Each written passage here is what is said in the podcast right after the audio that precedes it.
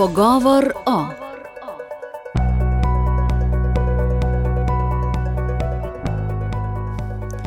Dobro dan, drage poslušalke, cenjeni poslušalci. Leto se izteka in vedno radi pogledamo nazaj. Tokrat marsikdo to naredi z bolečino, saj mu je ujma bodi si močno poškodovala ali pa celo podrla dom, uničila podjetje, pokvarila načrte. Bolečine so skušale oblažiti humanitarne organizacije, pomagale so občine, pomagala je tujina, tudi država, a delo še zdaleč ni končano. Ravno pri tem se bomo ustavili v današnji oddaji Pogovor o, ki bo omogočil sodelovanje tudi vam, drage poslušalke, cenjeni poslušalci, in sicer boste lahko kakšno svoje konkretno vprašanje.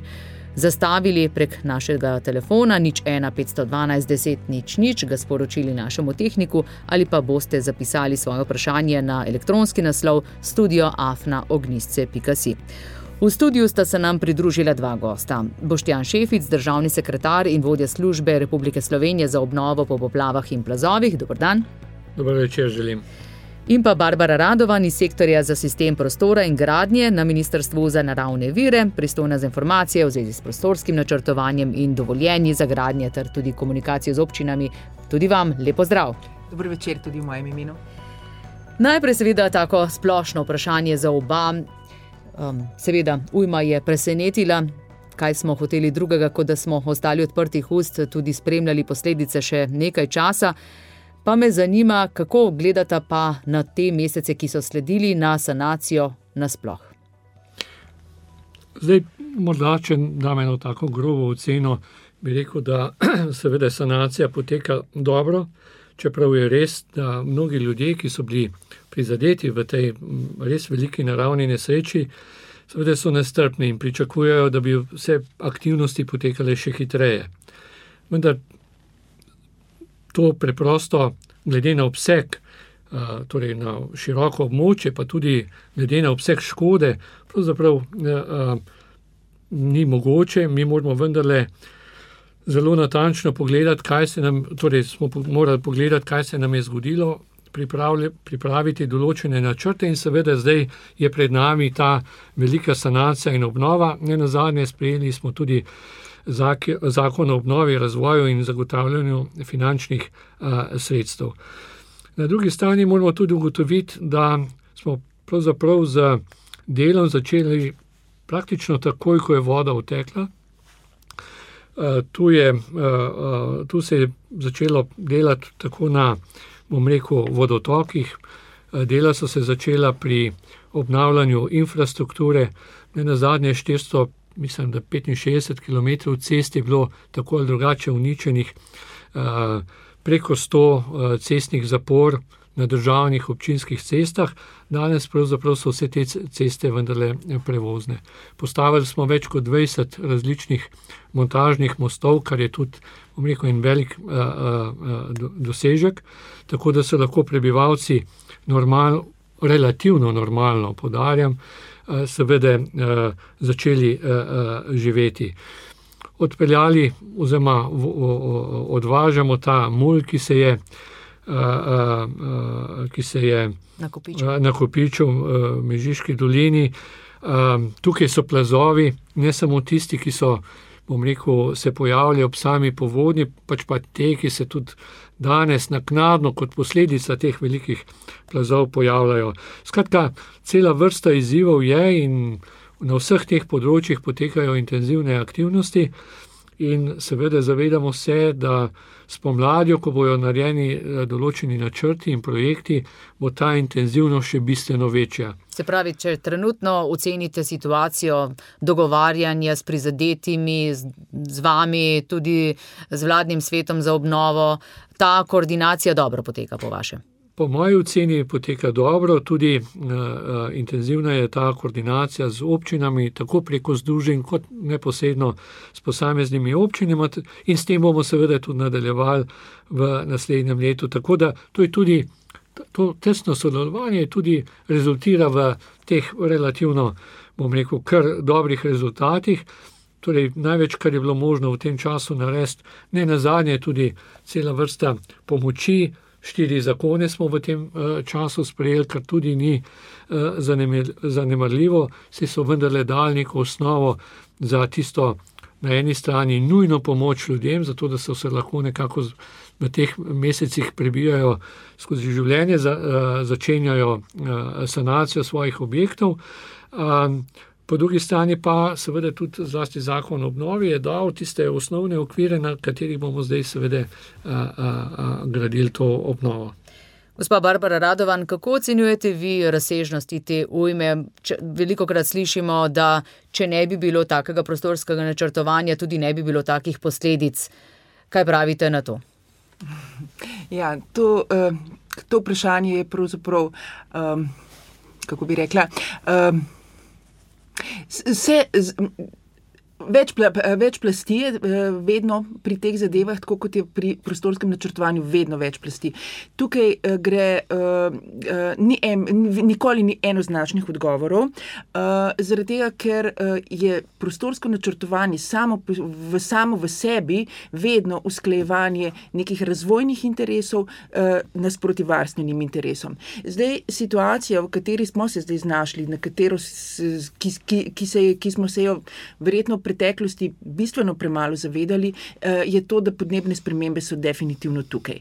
In uh, zdaj prostorsko načrtovanje je seveda tudi ne samo, da je usklevanje razvojnih in varstvenih interesov, je vedno odrast e, e, enega trenutka, enega časa, v katerem se to dogaja. In, in uh, prioritet, ki so takrat v družbi. Bolj ali manj pomembne, bolj poudarjene ali manj poudarjene. Tako da tukaj uh, govoriti o nekih zablodah prostorskega načrtovanja, jaz si ne bi, ne bi um, govorila uh, na ta način. Uh, vidimo pa, ne, da, da so stvari. Uh, šle, da na narava je šla svojo pot, da, da te teze o tem, kako, bomo, kako lahko naravo ukrotimo uh, z, z, z ukrepi takšnimi in drugačnimi, da te stvari se nam ne bojo več uh, išle oziroma se nam ne iz, izidejo že v tem trenutku. Ne. Tako da jaz verjamem, da v prihodnje se bodo stvari tudi pri prostorskem načrtovanju spremenjali, oziroma se že spremenjajo. Ampak, tako kot sem rekla, vedno je to pač odraz tistega družbenega trenutka in uh, uh, vedenja, znanja in tudi pravzaprav uh, nekih prioritet v družbi. Tako da uh, toliko mogoče. No, uh, zato se pa seveda, uh, uh, so pa uh, določene situacije, pa takšne, no, ki bi si jih želeli, za katere bi si mogoče pa tudi želeli, da, da se ne bi zgodile, da, da so bile tudi, kdaj pa kdaj tudi kaj na nek način malo izsiljenega, ne, ali pa uh, tudi kaj zlegaliziranega, potem, ko, so, uh, ko je bilo postavljeno na črno, se vemo, da pač je bilo možno, ne, po les leta 2017 sprejetim zakonom, marsikaj marsikaj zlegalizirati. Ne. Tako da so stvari takšne in drugačne. Bo treba v prihodnje vendarle tukaj narediti kakšen korak naprej in malce bolje karmariti med vsemi temi interesi? Uh, zanesljivo, zanesljivo bo treba dati večji podarek pravzaprav tej poplavni, uh, poplavni nevarnosti, erozijski nevarnosti. Uh, Uh, jaz mislim, da ta, da, ta, eh, da ta šola je bila res tako huda, no, da, eh, da, da, da je ne bomo niti smeli, niti mogli pozabiti no, in da bomo to zdaj ugradili uh, mogoče bolj intenzivno v uh, samo, samo načrtovanje. No. Mm. Predvsem tudi to, poplavna varnost je bila že vse čas prisotna, uh, erozijska manj no, in jaz računam, da bomo zdaj tudi uh, s to erozijsko uh, nevarnostjo, z geologijo in z vsem tem pravzaprav bolj, uh, se bolj ukvarjali. No, pri pripravi samih načrtov. Prizadeti so bili deležni predvsem finančnih sredstev, najprej prva finančna pomoč, ki sta jo razdeljevala Slovenska karita Srdiči križ, na to eh, dodatna državna pomoč, eh, ki je bila razdeljena preko centrov za socialno delo, potem subvencije najemnin so dobili nižje račune za elektriko, tudi oprostitve plačila vrca, šolskih malic. Eh, se vam zdi, gospod Šefic, da je to dovolj? Ne vem, imate morda podatek, koliko je najvišji znesek ki ga je dobila kakšna prizadeta družina? No, zdaj težko bi rekel, uh, sumarno, koliko je kakšna družina dobila, pač odvisno od situacije, njihovih razmer, števila družinskih članov in tako naprej. Vendar te vse te pomoči so bile predvsem namenjene tem prvem obdobju, zato da so se ljudje lažje soočali s to novo situacijo, v kateri so se znašli. To pomeni, da so lahko uh, bom rekel, uh, lažje nekako preživeli, si zagotovili tiste minimalne standarde za, za življenje, najeli stanovanja, bili so deležni subvencij teh tržnih najemnin, dobili so alternativne nastanitve, tisti, ki so seveda to potrebovali, dobili so enkratna izplačila. Skratka, vse to bile, je bila, bom rekel, neka intervencija za to, da lahko ljudje začnejo ali pa si začnejo obnavljati, bom rekel, te svoje nepremičnine. Seveda, zdaj prihaja na vrsto ta obnova, zato se je vlada že v letošnjem letu odločila prvič, da, bo, da bodo ta predplačila tudi za fizične osebe. Ne na zadnje moram povedati, da izključno samo za to naravno nesrečo v letošnjem letu so vse te, so bili sprejeti vsi ti interventni ukrepi. Ostali, imeli smo skupaj sedem naravnih nesreč v letošnjem letu, ostali teh možnosti oziroma teh beneficij uh, uh, nimajo. No, zdaj seveda se izplačujejo ta predplačila za, kot pomoč za obnovo nepremičnin, seveda bo pa ta postopek, ki, ko bodo ljudje lahko dobili končno soto pomoči, pa stekel v naslednjem letu. Mi predvidevamo takoj po sprejemu programa odprave posledic te naravne nesreče in seveda takrat bodo dobili potem v tem postopku, ki je relativno sicer zapleten, kar dolg, pa vendarle vsa sredstva za to, da bodo lahko sanirali celotno situacijo. Zdaj seveda mi sproti spremljamo, kaj se dogaja, imamo vrsto pogovorov, sam sem imel danes dva pogovora z um, um, prizadetimi, pogovarjali smo se o tem, kaj še potrebujejo, kaj je tisto, kar jih najbolj um, bom rekel, muči, kaj si želijo, in seveda to, so, to je ravno ta pomoč za obnovo, bom rekel, njihovih stanovanj, hiš, karkoli že, zato da bodo lahko čim prej prišli nazaj. Zato je zdaj to ključna prioriteta, v to je tudi usmerjena državna tehnična pisarna in celoten sistem. Mhm. Se pravi, ta zakon o obnovi vključuje tudi te aktivnosti, tudi to dodatno pomoč. Ta zakon o obnovi, zdaj, kar se fizičnih oseb tiče, prinaša nekatere dodatne zadeve. To je predvsem možnost, torej jamstvo države za posojila, tam do 100 tisoč evrov, pri čemer bo država ne samo garantirala, ampak tudi subvencionirala obrestno mero, namenjena ta zelo ugoden kredit je namenjen ravno temu, da bodo lahko ljudje do konca sanirali svoje uh, nepremičnine. Potem so uh, seveda tukaj tudi nekatere druge administrativne olajšave, recimo avtomatično se uh, bojo uh, uh, uredile zadeve, kar se tiče tistih primerov, ko so ljudje izgubili recimo vozila, potem uh, izuzele se bojo uh, ta prijeta sredstva, se bodo uh, uh, izuzela iz uh, različnih izvršb, ki jih imajo ljudje. Potem, se pravi, da ne bodo predmet teh izvršb. Tako je, tako je, potem prednostno bojo obravnavali pri vlogah za ekosklad in številne druge, bom rekel, te uh, beneficije.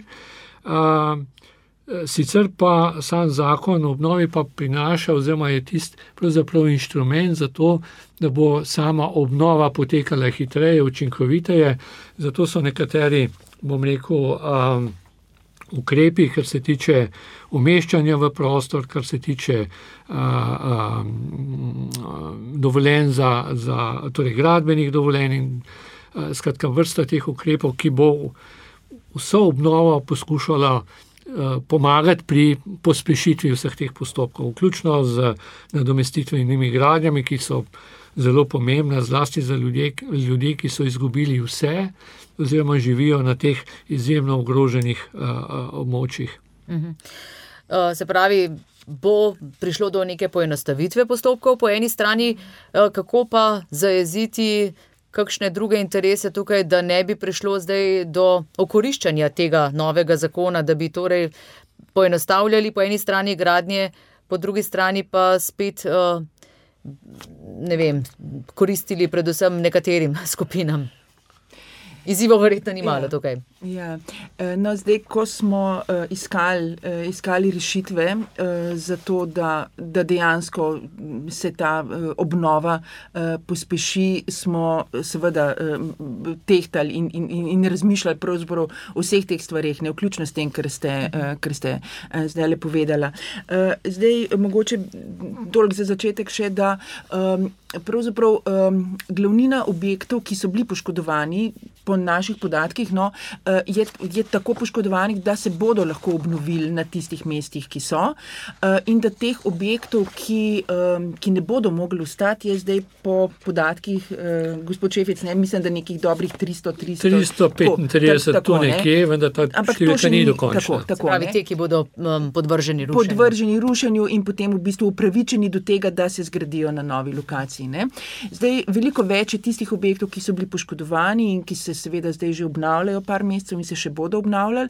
Uh, in, tudi, in tukaj je, uh, ima že pravzaprav že gradbeni zakon, že osnovni, uh, nekaj inštrumentov, ki so uporabni za te namene. Vzdrževanje objekta je vedno brez gradbenega dovoljenja, ne, skratka to, to menjava podov, ne vem, fasade, obnova fasade, strehe in tako naprej. Uh, potem je ima gradbeni zakon, tak zdaj dve leti velja, en inštrument, nov inštrument, ki se mu reče manjša rekonstrukcija tudi ta je zelo uporaben, oziroma je uporaben v teh primerih, ko gre za neke uh, posege v, v konstrukcijo, v posamezne konstrukcijske elemente, ko je treba uh, zamenjati, ko je treba še en preboj narediti, ko je treba nek konstrukcijski element zamenjati z isto vrstnim elementom. To, Za tak poseg si včasih potreboval gradbeno dovoljenje, zdaj je to stopnišče, recimo, ograje. Tako, tako, tako. Na streški. Tak, tudi, ne, tudi, uh, to, to, zato ni potrebno gradbeno dovoljenje, rabiš pa uh, strokovnjaka, gradbenika, ki pač statično preveri in tudi, uh,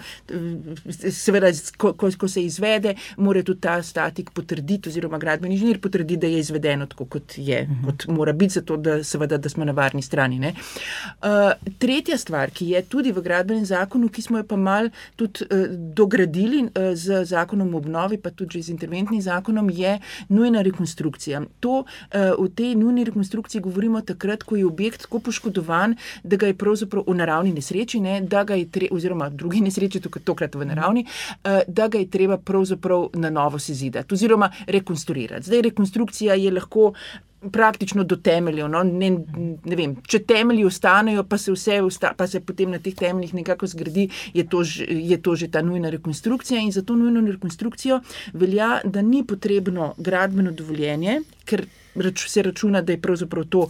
Uh, Da se gradi tako, kot je bilo. Ne? Kot nadomestna gradnja.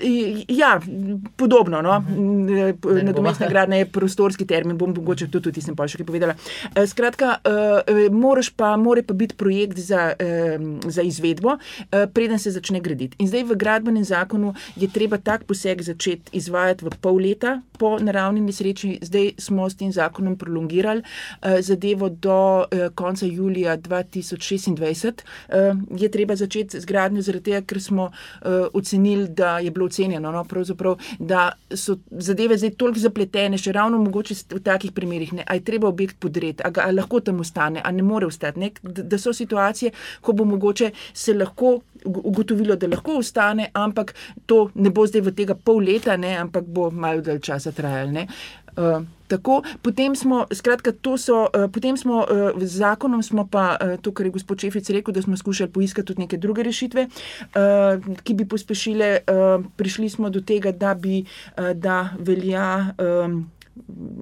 Da je treba seveda pridobiti mnenja vseh teh mnenjedajalcev, to so predstavniki različnih resorjev, da pa po 30 dneh, če, če v 30 dneh ne bi dali uh, svojega mnenja, da se pač šteje, da to mnenje je dano. Zdaj, resno računamo, no, da, da, bo, da se bojo pač vsi organi tudi organizirali na ta način, no, da, da do takih uh, situacij pravzaprav ne bo prihajalo, da se bo dejansko v 30 dneh ta mnenja uh, pridobilo.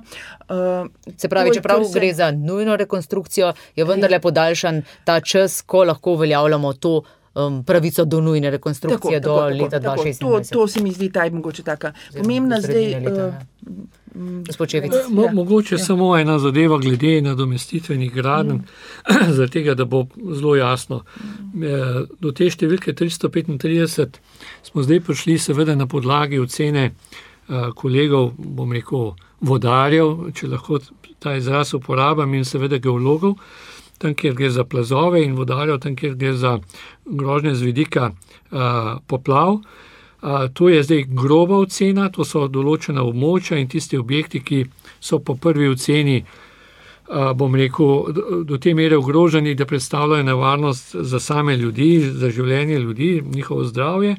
Seveda pa zdaj prihajamo, oziroma smo že začeli postopek individualne ocene vsakega območja posebej in seveda vsakega objekta, pri čemer seveda tudi upoštevamo mnenje Direkcije Republike Slovenije za vode, kje bodo narejeni protipoplavni ukrepi. In tam, kjer bodo protipoplavni ukrepi takšni, da bodo omogočali normalno, varno življenje, oziroma toliko zmanjšati ta tveganja, da, da bo možno, da ti objekti ostanejo, bodo ostali. Tako da zelo verjetno se bo to število nekoliko zmanjšalo, morda tudi kakšen objekt še dodatno umeščen, uvrščen, pa vendarle. Tako da ta odločitev še ni dokončna. Zato, ker smo dobili kar veliko vprašanj na to temo, tudi zaskrbljenosti. In še enkrat poudarjam, tudi ob tej priložnosti, vse bo zelo temeljito, strokovno pretehtano in šele na to bodo sprejete po posebnem postopku, ki je v zakonu opredeljen, odločitve nič na pamet in nič na počes, kot se reče. In seveda, glavno besedo bo imela uh, stroka. To, to je ključno. To je pomemben, težek poseg, ni enostavno, še posebej ne za te ljudi, zato je treba biti tu res temeljit, strokoven in seveda potem tudi uh, poskrbeti, da bojo te nadomestitvene gradnje oziroma ostale alternative, ki so ponujene v skladu z zakonom, tudi a, učinkovito realizirane. Se pravi, če strnemo 335, nekako približno je zdaj teh družin ali pa posameznikov, katerih objekti so na nekih ogroženih območjih. Ali pa so totalno uničeni. Ali so ne? pa že uničeni, tako? Ker nekaterim je ne odneslo, odneslo ne samo hiše, ampak tudi zemljo, ne, kjer je hiša stala. Uh -huh. Torej, cel ta, ta uh, vsi ti objekti so v tej številki. In um, ste pregledali pravzaprav že vse? Osnovni pregled, kot sem rekel, je narejen, zdaj državno tehnična pisarna za stroko pregleduje vsako območje in vsak objekt posebej. Uh -huh. In računamo, da bo v dveh do treh mesecih ta proces končan, seveda je treba tudi potem speljati cel postopek v smislu razgrnitve, Eh, teh mnen, potem seveda uh, sprejemanja pripomb, na podlagi pripomb odgovore, pa potem seveda priprava predloga teh sklepov, ki grejo tudi na svet za obnovo, eh, gospod, ki ga vodi gospod Pipenbahar in šele na to, potem njihovem pozitivnem. Recimo mnenju, šele na vlado v odločanju, in seveda potem nadaljni postopek cenitve in vsega mhm. ostalega. Se pravi, to so odločevalci nekako gospa um, Radovan. Ja, eh, zdaj bi kle nadaljevala, uh -huh. kar je gospod Ševic rekel, pa povezala s tistim, kar ste tudi prej vprašali.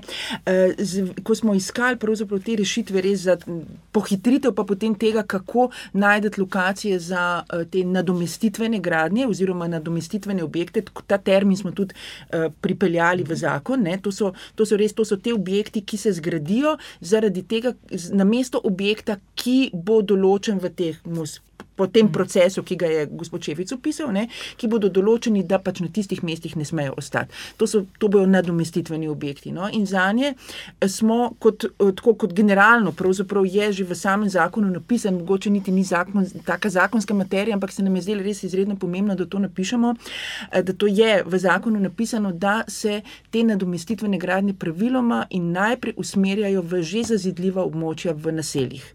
In seveda, tista, ki so, tista, ki ki so poplavno uh, varna in, in erozijsko varna, ne? jasno, da, da, da ne na, na kakšne druge lokacije. In to iz, prav iz tega razloga, no, da ne bi prihajali ne, zdaj, do, do tega, da bomo pospeševali neko razpršeno poselitev, ne? nekaj, kar pravzaprav je prepoznano kot ne dobra praksa, no? da kar draži pravzaprav vso, vso infrastrukturo, povzroča stroške občinam, pa ne na zadnje pravzaprav tudi netrajnostno je. Ne? Uh, tako da to je, to je prvo, prvo je to. Ne? In tudi z občinami v bistvu, ko komuniciramo, ne? mi smo že, gospod Šefic, verjetno še bistveno več, no? ampak tudi mi eh, smo v stiku zdaj že z občinami, imeli smo že dva posveta, smo organizirali z njimi, smo s temi, ki, ki imajo največ teh prizadetih objektov, smo tudi v bistvu že v, eh, v, v stiku, čisto v neposrednem stiku župani, z občinskimi urbanisti in se že iščejo rešitve. Ne?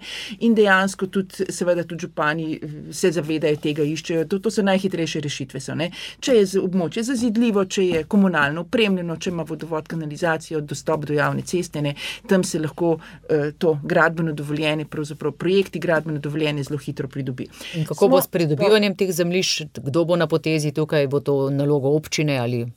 Čigava, ja, ja. v prvi vrsti seveda so občine tiste, ki morajo identificirati območje, kjer je to možno uh, potem graditi. Eh, seveda pa tukaj delamo, kot sem že uvodoma rekel, z roko v roki z občinami, seveda tudi mi gledamo, kje imamo uh, kot država, uh, recimo zemljišča, kjer bi lahko tudi, uh, tudi gradili. Skratka, iščemo optimalne rešitve na vseh področjih in to je ključ do, bom rekel, uspeha. Ne? Seveda bo pa potem potrebno pripraviti tudi.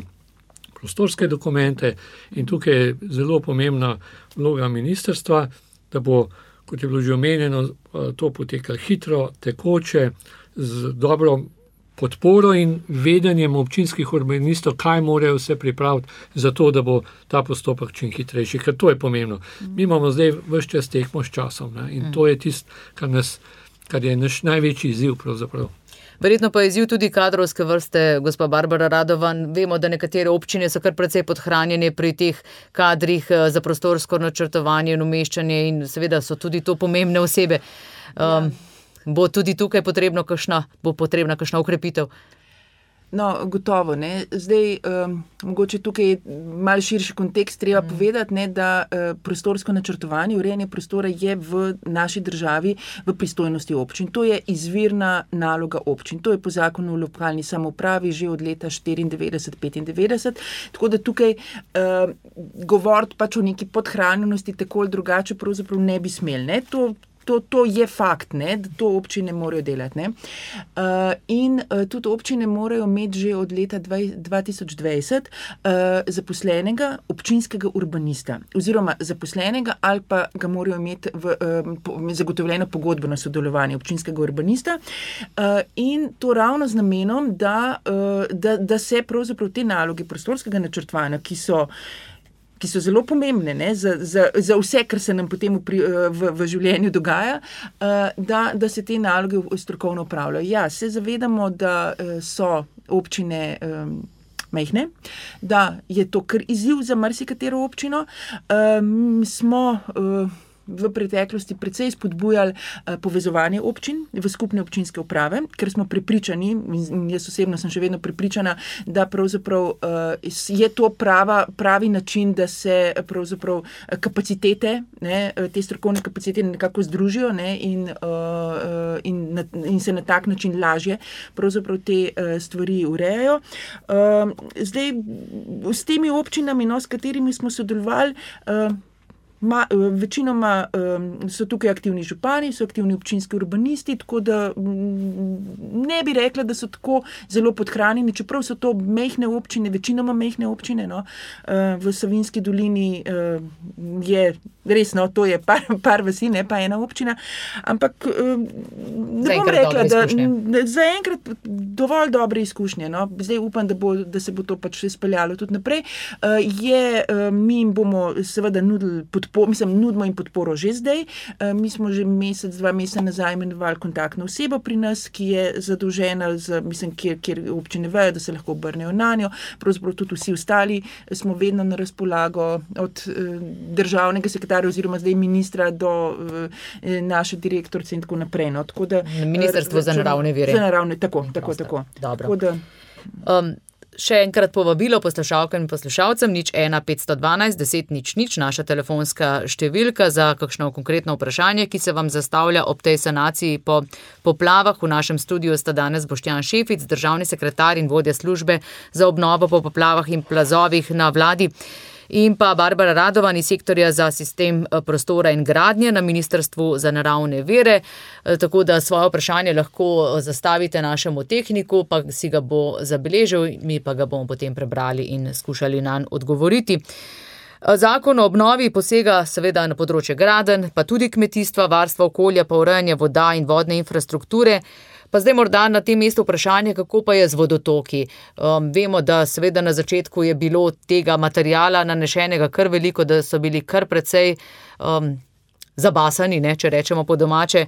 Uh, kako je danes s strugami, če pride recimo kakšno deževje? Ja, ta naravna nesreča oziroma ta povodanje je pustila velike posledice na vodotokih. Um, kot ste rekli, veliko je bilo teh nanosov, vendar ne smemo pozabiti, da so bile tudi uničene brežine, uh, da so bili uničeni posamezni objekti na teh, uh, na teh vodotokih. Tako da dela je res izjemno veliko. Jaz moram reči, da v, morda v prvi fazi res.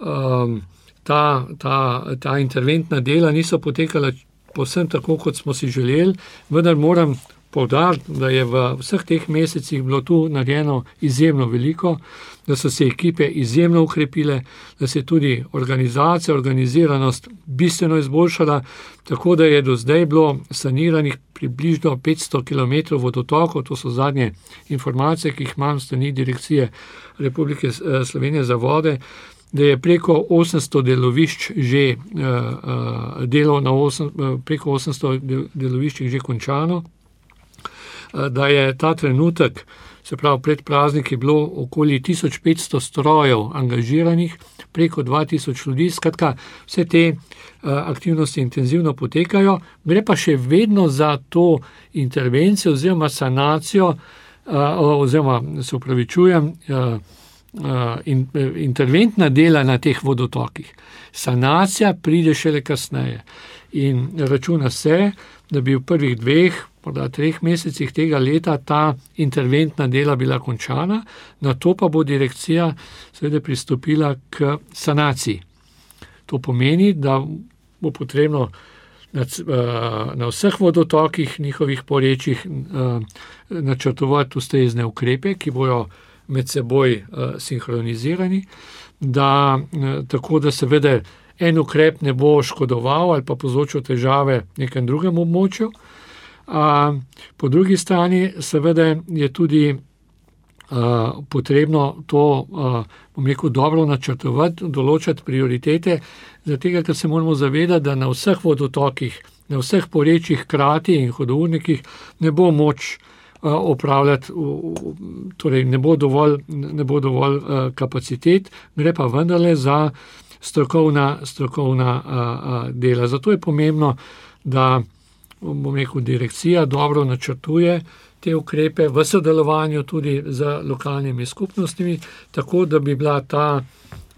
Torej, na eni strani ta sanacija potekala hitro, učinkovito, pa seveda, da bi vsa ta dela imela tudi, bom rekel, relativno uh, hiter uh, učinek. Mm. Če me sprašujete, ali so vodotoki danes uh, sposobni prenesti določene, bom rekel, uh, večje ali pa obsežnejše padavine, lahko rečem, da v, v večini primerov da, vendarle smo imeli novembra kar precejšnje deževje in seveda ob dobri organizaciji tako občin, kot seveda direkcije, koncesionarjev in vseh ostalih, smo relativno dobro, bom rekel, prenesli to, to deževje. Govorim zlasti o tistih območjih, ki so bile zelo prizadeta v avgustu tega leta. Tako da, ja. Marsikaj, seveda, je in bo še treba narediti, vendar uh, dela potekajo res, res intenzivno, seveda se pa razmišlja tudi o morebitnih ukrepitvah, če bi to bilo potrebno, se pravi na to, kar imamo še dodatno. Mislim, da imamo na telefonski zvezi poslušalca Franceta iz Ljubljane. Prosim, če si nadenete slušalke, da bomo dobro slišali vprašanje. France tukaj. Povejte, gospod France. Ja? Gospod, jaz bi rad podarjam pošten odgovor. Namreč mene zanima nekaj. Kar je predsednik vlade govoril, koliko denarja so nakazali, Uh, to so ogromni denarji in vemo, da tega denarja ljudje dobili niso. To poznam stvari. Pa sprašujem, če ste mogoče ta denar, če so nakazali mogoče občinam, pa da bojo občine vsakem svojemu dale. To mm -hmm. mene zanima, kaj ja, je s tem denarjem. Hvala. Hvala. France torej um, sprašuje, kako je s tem denarjem, ki so ga dobile občine, um, ali bo potem ta denar šel naprej, ali bodo občine poskrbele za, um, za to urejanje. Uh, mislite, vodotokov? Ja. Eh, zdaj, kar se tiče vodotokov, uh, je treba povedati, da seveda za to je odgovorna direkcija Republike Slovenije za vode, ima tudi svoj proračun, namenjena sredstva. Sicer pa so občine dobile seveda ta predplačila z mm, namenom, da bodo lahko hitro in učinkovito se, se lotile obnove infrastrukture, občinske infrastrukture, od mostov, cest, eh, posameznih eh, objektov. Skratka, vse tisto, kar je v eh, njihovi pristojnosti. In lahko rečem, da so občine zelo intenzivno, hitro pristopile k načrtovanju, k pripravi projektov, razpisom, tako da računam, da bodo že v spomladi, ko bodo dane možnosti oziroma pogoji, šli v realizacijo in začeli, bom rekel, to obnovo. Tako da ta denar je za občine bil izjemno pomemben, zato da so lahko začeli vse te aktivnosti. Mhm. Kaj si pa od tega zakona lahko obetajo kmetje?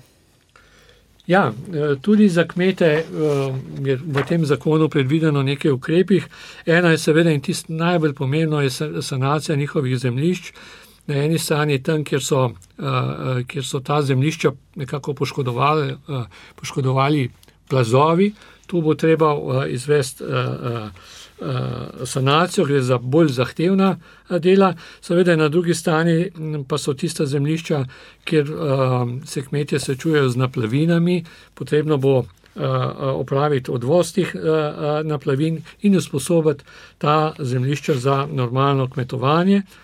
Potem je tukaj so sanacija osuševalnih in javnih namakalnih sistemov, potem uh, načrtuje se gradnja vodnih zadrževalnikov za potrebe kmetijstva, odkuder bojo seveda tudi uh, lahko kmetje zajemali uh, vodo, ki in ta voda je, oziroma ta ja, voda bo iz teh zadrževalnikov seveda prioriteta za namakanje kmetijskih površin. Potem so seveda tukaj zelo pomembno področje, to je nadomestitev kmetijskih objektov in kmetij, torej tudi uh, uh, se pravi. Preselitev celotnih kmetij na bolj varna, stabilna območja. Tu bo zelo zahtevno, bom rekel, posegi, ker imajo, kot smo tudi prej že gospa Radovan opozorila, imele občine pomembno vlogo za to, da pripravijo ustrezne prostorske načrte za, za te selitve.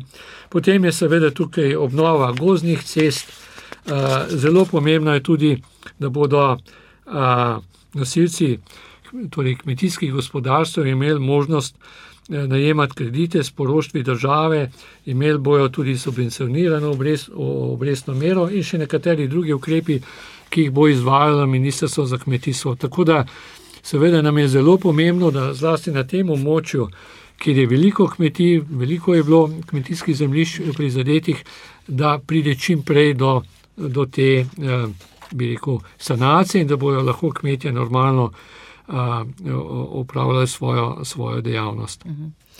Pa je tudi tukaj eh, to posojilo omejeno na vzgor, tako kot pri fizičnih osebah na 100 tisoč evrov? Ne, tukaj so drugačna merila, ki bo seveda postavilo Ministrstvo za kmetijstvo. Dobro. Gospoda Franceta, ki je prej poklical, zanima še, kam je šel oziroma bo šel preostali denar, ki naj bi ga vlada namenila sanaciji, eh, ne samo za vodotoke, ampak tudi za hiše in ostale objekte. Pravi namreč, da pozna prizadete ljudi, ki pa denarja niso dobili. Ja, kar se tiče eh, denarja za fizične osebe, sem že prej na kratko omenil. Del sredstev se zdaj nakazuje preko teh predplačil, na to pa bo izveden uh, celoten postopek in seveda ljudje bojo z svojimi dokazili, načrti, iz, dokazili o izvedenih delih, računih in tako naprej, dokazovali te, te svoje stroške, in seveda država bo v skladu z zakonom o odpravi posledic naravnih nesreč tudi pomagala oziroma povrnila del teh stroškov. Ampak seveda vsa ta sredstva, o katerih govorimo, so se namenjena tako za obnovo infrastrukture, kot sem že prej omenil, cestne, potem treba bo zgraditi vrsto novih mostov. Tukaj so, bom rekel, plazovi, ki zahtevajo ogromno načrtovanja, najprej raziskav, potem dobrega načrtovanja in seveda na koncu izvedbe in te sanacije plazov so načeloma izjemno drage, izjemno zahtevne. Seveda potem grejo, bo šel denar tudi za obnovo vodotokov. Mi imamo 4800 km vseh vodotokov in seveda v tej ujmi se je pokazalo, da seveda eno so te vodotoki, kot jim pravijo strokovnjaki prvega reda, te velike reke, vendar pravi izziv pa pokažejo te manjši pritoki, hudourniki in vse to bo treba urediti, zato bo potrebno ogromno sredstev, tako tistih, ki jih namenjajo občine, kot seveda tudi sredstev, ki jih namenja država. Skratka, prej smo se pogovarjali o nadomestitveni gradnji, tudi to seveda bo za finančno rekel, velik izziv, tako da teh finančnih sredstev bo potrebno za res veliko. Neposredno ocenjena škoda je tri milijarde, vendar realna škoda, ko bo potrebno, bom rekel, dejansko vse to obnoviti, bo bistveno večja. Strani gospodarstva slišimo očitke, da zakone pišejo nevladniki. Kdo je sodeloval pri tem zakonu? No, za ta zakon moram povedati, da ga izključno pripravljajo strokovne službe različnih ministrstev. Mi smo z aktivnostmi začeli v septembru, pripravili smo neki okvir tega zakona, na podlagi tega so ministrstva pripravila posamezne ukrepe, smo jih pregledali, preverili, prečistili in tako naprej, in nato je se je začel pisati, bom rekel, zakon.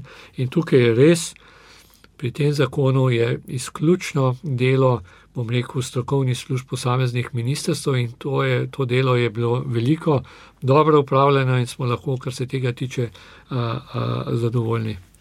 Največ očitkov pa je na strani opozicije bilo zaradi prevelikega obremenjevanja gospodarstva. Po nekaterih podatkih naj bi zakon z različnih virov zagotovil dodatnih približno ena cela šest milijarde evrov. Bo to dovolj ali bo navsezadnje prav tako potreben solidarnostni prispevek, ki je bil nato umaknjen, recimo? No, poglejte, natančna dinamika porabe sredstev v naslednjih letih bo znana, ko bo sprejet program odprave posledic te naravne nesreče. Tam bo natančno opredeljene vse te prioritete in seveda tudi zelo natančno finančno ovrednotena. Jaz sem prepričan, da vsa ta sredstva, ki jih bomo zbrali v naslednjih letih, tako proračunska, vse to, kar bo prišlo namenskih sredstev, potem seveda sredstva iz, evropska sredstva iz kohezije, načrta za okrevanje in odpornost, in tako naprej, bodo zelo še zelo, zelo potrebna in seveda sem prepričan, tudi v celoti porabljena, kajti obseg škode je res izjemno velik. In zmotno je prepričanje, da je ta ocenjena škoda, ne, te tri milijarde, končni znesek, seveda ne. Če samo pogledamo, ne vem, primer nekega mostu, ki je bil ocenjena neposredna ta škoda, ki je iz recimo leta petinsedemdeset ali pa sedemdeset, seveda je njegova ocenjena vrednost za amortizacije, ne vem, sto enot. Dejansko, da bomo zgradili nov most, ki bo odporen, ki bo sodoben, ki bo pariral vsem tem novim izzivom, ki bo tudi primeren za sedanje razmere in tako naprej, grajen po sodobnih principih, bo seveda, ne vem, dvesto, tristo, štiristo enot, ne. Skratka, nekajkrat več. In zato so te številke, oziroma bodo te, te, ta potrebna sredstva velika. Kaj pa nadzorni mehanizmi, tudi ti skrbijo? nadzornih mehanizmov je zelo veliko, pri evropskih sredstvih smo večkrat povdarjali, so izjemno ta, natančni za vsak evro, za vsak cent. Seveda je ta, te, bom rekel, so vzpostavljene te kontrole, tudi pri nas, za, za naša sredstva, za vse to, kar bomo zbirali, je veliko teh kontrol, ne samo na ministrstvih, tudi na nivoju vlade in seveda tisto, kar še posebej, potem je seveda tukaj računsko sodišče, da ne pozabim. Eh, hkrati pa bomo poskrbeli, in to se to že izvajamo, da bo slehani strošek, ki je bil izplačan na račun sanacije te obnove, tudi objavljen. Mi imamo danes na eh, spletni strani Ministrstva za finance po vseh teh postavkah objavljene sezname, komu in koliko je bilo izplačano. Tam, kjer gre za osebne podatke, smo dobili s tem zakonom o, o obnovi podlago, da seveda to tudi za te primere storimo, in po novem letu bojo uh, vsa pristojna ministrstva pozvana, da nam naši službi posedujejo te podatke, ki bomo potem mi uredili in objavili, in na to vsak mesec tudi ažurirali. Tako da bo zelo jasno, zelo pregledno, kdo je koliko, kaj dobil, s kakšnim namenom. Uh, in uh, zdi se nam, da je to res tako pomembno, ta transparentnost, tudi zaradi um, kredibilnosti vseh teh, uh, teh aktivnosti, kredibilnosti pred ljudmi. Mm. In zato bo to tudi zagotovljeno. Obnova bo seveda dolgotrajna, ampak aha, najprej še pogledamo, kaj sprašuje Milan iz Koroške. Kolikšna je bila celotna škoda zaradi poplav? Sliši se, ja, namreč precej različne informacije. Mislim, da ste to zdaj ravno kar nekako uh, odgovorili. In še dodaja, bo nekdo, ki je ostal brez hiše, dobil denar, da si bo lahko zgradil novo, ali pa bo moral najprej izgradnjo plačati sam in pozneje dokazovati, da je prišlo do teh stroškov in bo dobil nekaj povrnjenega. No, pri, govorimo o nadomestitveni gradnji, o tem smo že nekaj povedali. In seveda ena od možnosti je, da tisti, ki bo imel, ki je izgubil objekt, seveda, da dobi tudi finančna sredstva na podlagi bom rekel, cenitve, ki jih bodo upravljali eh, cenilci. Eh, seveda, to nekoliko bolj zapleteno bo tam, kjer teh objektov več ni, ali pa jih je voda odnesla, pa vendarle, eh, ali pa seveda dobijo nadomestitveni objekt. To, to je stvar, v kateri se bomo z vsakim posebej, začenši v januarju naslednjega leta, individualno pogovarjali, katere so optimalne rešitve za posamezno posameznega lastnika in običajno tudi njegovo družino, zato da bi se čim bolj približali ljudem in a, na nek način jim šli čim bolj a, na roko, glede na to, da so res ostali v zelo, a, v, v, v zelo težki situaciji.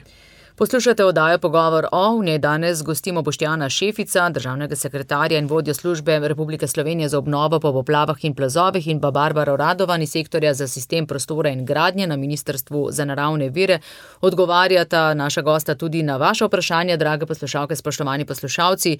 Morda, če ste med prizadetimi in še niste dobili kakšnega od odgovorov, lahko ga zastavite in bomo skušali na nj odgovoriti. Seveda pa vprašanja zastavljajo tudi eh, na tehničnih pisarnah, kako obremenjene so po vajnih informacijah, koliko je tam kaj interesa, koliko dela imajo. Eh, državna tehnična pisarna z vsemi tremi lokacijami, Ljubljani, Ljubnem in seveda Črni, je izjemno, eh, bom rekel, zasedena številnimi, bom rekel, konkretnimi vprašanji, pregledi objektov, ki jih morajo upravljati, seveda tudi nekaterimi dodatnimi nalogami, kot sem jih že prej omenil. Te naloge se bodo dodatno zgostile v naslednjem letu, ko, bomo, ko bo prišla faza te obnove, ko bodo ljudje potrebovali ne samo oceno, ne samo na svet, ampak konkreten projekt, kako hišo obnoviti, na kakšen način, ko bojo morali pridobiti ustrezna dovoljenja, tam, kjer bo to potrebno, kjer bo potrebno tudi sestaviti nekako finančno konstrukcijo, ker tudi državna tehnična pisarna fizičnim osebam svetuje. Seveda, to je en del, dru, drug del je seveda svetovanje občinam pri njihovih projektih. tako pri pripravi projektov, pri izvajanju, pri svetovanju, pri razpisu, razpisih.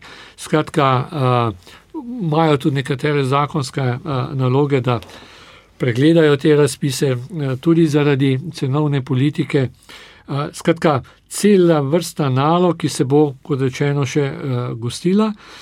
Zato tudi ima tehnična pisarna možnost, da to svojo strukturo prilagaja, se pravi, v nekem obdobju bolj v strokovnjaki, ki morajo pregledovati, ocenjevati, kasneje strokovnjaki, ki bodo pomagali pri obnovi, graditvi in seveda kasneje tudi strokovnjaki za nadzor.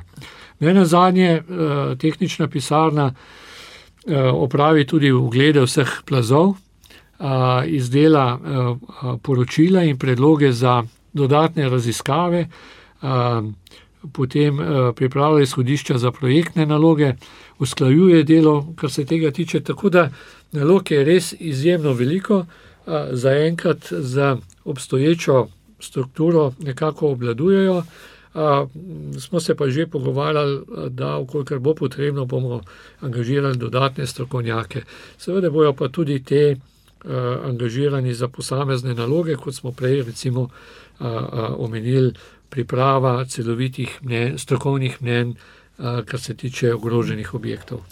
Gospa Barbara Radovan, prej ste dejali, da tudi na ministrstvu odgovarjate na vprašanja, morda kakšna kontaktna številka, ali kam se lahko obrnejo, če bi želeli še z vaše strani kakšno pojasnilo?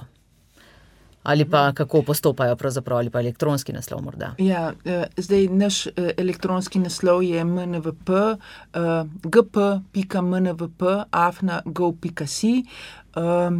zdaj kontaktna oseba, kot sem rekla, na naši strani je, to je pravzaprav kontaktna oseba za občine, ne toliko za, same posameznike, ne, posamezniki se pravzaprav naj obračajo na občine, ali na Državno tehnično pisarno verjetno, ne, gospod? Tako je. občina je tista, no, ki, ki ima potem, ki, ki, ki ima potem stik z nami ali, ali tudi z drugimi ministrstvi, posamezniki pa, najprej na občino. Tako da to, saj pravim, po mojih, izkušnjah, po mojih stikih, no, so župani izjemno angažirani, tudi občinski urbanisti so izjemno angažirani, tako da, tukaj je, že ves čas teče pravzaprav to iskanje, kaj, narediti v tistih primerih, ko, smo rekli, da bo treba poiskati tudi te nadomestitvene lokacije. Mogoče bi zdaj, nisem še omenila, prej, prej sem povedala sem, kako narediti, kaj narediti v tistih primerih, ko se objekt lahko obnovi, mogoče bi zdaj povedala še, to, kar smo v zakonu o obnovi kot en tak nov inštrument naredili, da bomo res lahko prišli hitro, do tudi do tistih lokacij, kjer pa ne bo mogoče najti stavbnega zemljišča, ne, že v obstoječem naselju, ko bo pa treba vse, ne vem, spremeniti neko, kmetijsko zemljišče ali pa gozdno zemljišče v, v, v, v zazidljivo. tukaj smo, vzpostavili en tak inštrument, kjer bo imela, kjer bosta spet, bile zelo, mogle biti zelo povezane občina in Državna tehnična pisarna. Lokacijska preveritev, smo rekli temu, to je inštrument, ki ga že ima sicer Zakon o urejanju prostora, ampak smo ga zdaj nekoliko razširili, tako da lahko... Tako lokacijska informacija. ne, ne, to je čisto druga stvar, to je lokacijska preveritev, je en tak, majhen, prostorski akt, bi rekli, ne, en tak, za take manjše, manjše, bolj kot ne za manjše spremembe, za manjša odstopanja. Zdaj smo ga pa nekoliko razširili in, in, in dovolimo, da se z lokacijsko preveritvijo spremeni do največ tri tisoč kvadratnih metrov. In to je ravno Da tako rečemo, na občinski to, in to je na občinski strani. ravni, v povezavi z Državno tehnično pisarno, občina bo poiskala, bo pogledala, kje so možne te zaokrožitve naselij, ne dovoli, ne ne dovoli se, da se to postavlja, kar sredi odprtega prostora, mora biti teh tri tisoč kvadratnih metrov, vezanih na obstoječo poselitev, skratka, gre za razširitev naselja, za zaokrožitev naselja. In ni No, potrebna sprememba občinskega prostorskega je, načrta. to je pravzaprav ta lokacijska preveritev je v resnici sprememba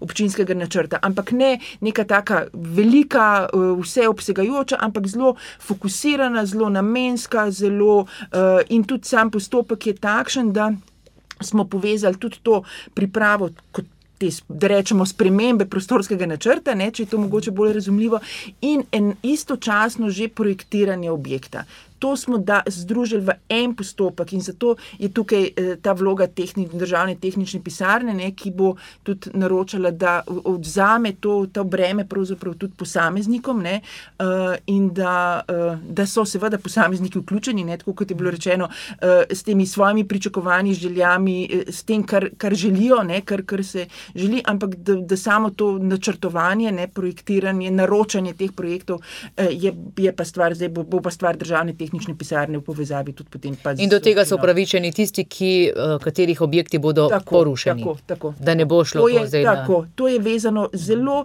eksaktno, zelo, tako kot sem mm. pa mhm. prej rekel, zelo smo se, mislim, da smo se potrudili, no, da smo res vezali samo na te nadomestitvene objekte. Mm. Da to pravi, ni kar tako, ne, za karkoli, ne, uh, ampak za, to, ki, za te objekte, ki bodo v naslednjem, ne, v naslednjem mesecu, dveh, kolikor časa bo pač to potrebno, določeni teh je treba odstraniti.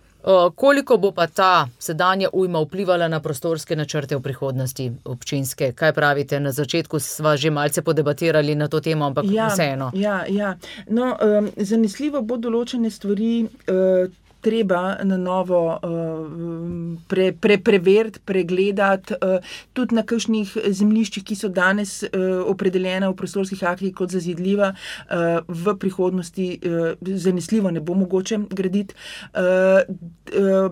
Direkcija, za, direkcija za vode oziroma ministrstvo, naše ministrstvo, ta področje voda, bo pripravilo tudi seveda nove, nove karte teh poplavne ogroženosti, ki bodo potem potem tudi eh, podlaga za to, da se bo eh, odločalo o eh, možnosti oziroma nemožnosti gradnje na določenih zemljiščih. Da, pravi, govorimo o teh zemljiščih, prišlo, kjer so bila poplavljena. Ki so bila poplavljena pa tudi v zemljiščih, ki mogoče niso bila poplavljena, pa bi se izkazalo, da bi lahko bila poplavljena. Uh, bo pa direkcija za vode seveda tudi pripravljena. No, in tudi tukaj ima recimo zakon uh, določene, uh, uh, bomo rekli, olajšave ali pa neke uh, inštrumente za, mal, za, za pohitritev postopkov, tudi samega načrtovanja teh novih protipoplavnih ureditev. Uh, zato, da lahko na primeren način uh, pripravljamo in načrtujemo in to poselitev kot rečemo, ne, tam, kjer bomo živeli, tam, kjer bomo delali, tam, kjer bojo gospodarska območja, območja za bivanje, uh, in v povezavi s temi protipoplavnimi ukrepi, ki seveda jih bomo še vedno načrtovali in to kar intenzivno. Več prostora bomo zanesljivo namenili razlivanju, so naravnim rešitvam, tudi, tudi v zakonu je v bistvu tudi uh, na to temo nekaj napisanega, ne, da gremo bolj v te so naravne rešitve, ne v samo eh, kanaliziranje, ne, ampak seveda na, v določenih območjih bo, bo treba tudi z gradbeno-tehničnimi ukrepi nedvoumno, ne, glede na to, kakšno, eh, kakšno, kak, kakšna je naša poselitev oziroma kako. Ker bi bilo živimo, objektov. Ne pre, preprosto preveč, da bi jih vse preselili. Seveda, seveda, mm. absolutno. Morda samo še to, kaj če bo protest na strani tistih, ki se ne bodo želeli seliti. No, Kakšni so vzvodi? Ja, na, naš, naš cilj je, seveda, da v, skozi intenziven dialog, ki sem ga že prej omenil, mm. poskušamo vendarle vsem ponovno in še enkrat razložiti, zakaj so eh, te zadeve potrebne, kje so razlogi, kakšne so utemeljitve, kakšne so dejstva. Jaz mislim, da seveda ljudje, ko recimo obraslo, če smo zelo natančno pojasnili, tudi strokovnjaki, zakaj je to potrebno, kje so te nevarnosti, tudi na levem bregu.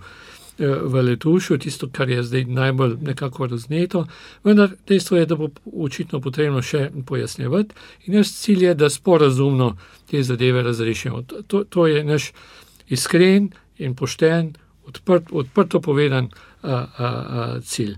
Zato smo tudi načrtovali različne možnosti, ki jih ponujamo ljudem. Seveda, v skrajni neki situaciji je tudi v zakonu opredeljen postopek razlastitve, kako, torej javni, javni interes, javna korist, vendar želimo, da je teh postopkov nič, če pa že minimalno. Koliko In, časa boste potrebovali? Potrpežljivo čakali. no, uh, zato, da, zato, da bomo pravočasno začeli, sem omenil, da je že januar, zaveda, uh, januarja uh, to začnemo. Zavedamo se, da bo verjetno potrebno več krogov opraviti, nekaj več, nekaj morda manj. Skratka, s potrpežljivostjo in z neko intenzivno komunikacijo verjamemo, da bomo to uh, uspeli uh, narediti. Hvala lepa obema gostoma, tako Bošjanu Šeficu kot Barbari Radovan za obisk v našem studiu. Seveda si želimo učinkovito leto 2024, uspešno sanacijo in seveda čim več tudi oboje stranskega sodelovanja, vse stranskega, ne potrebno bo.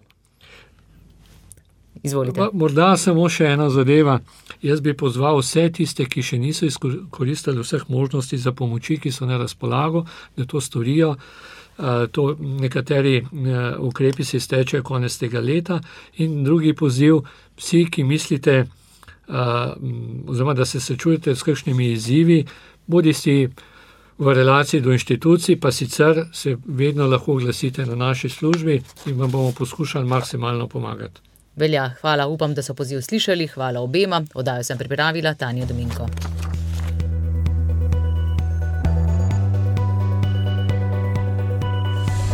Veliko povemo, tudi z druge strani.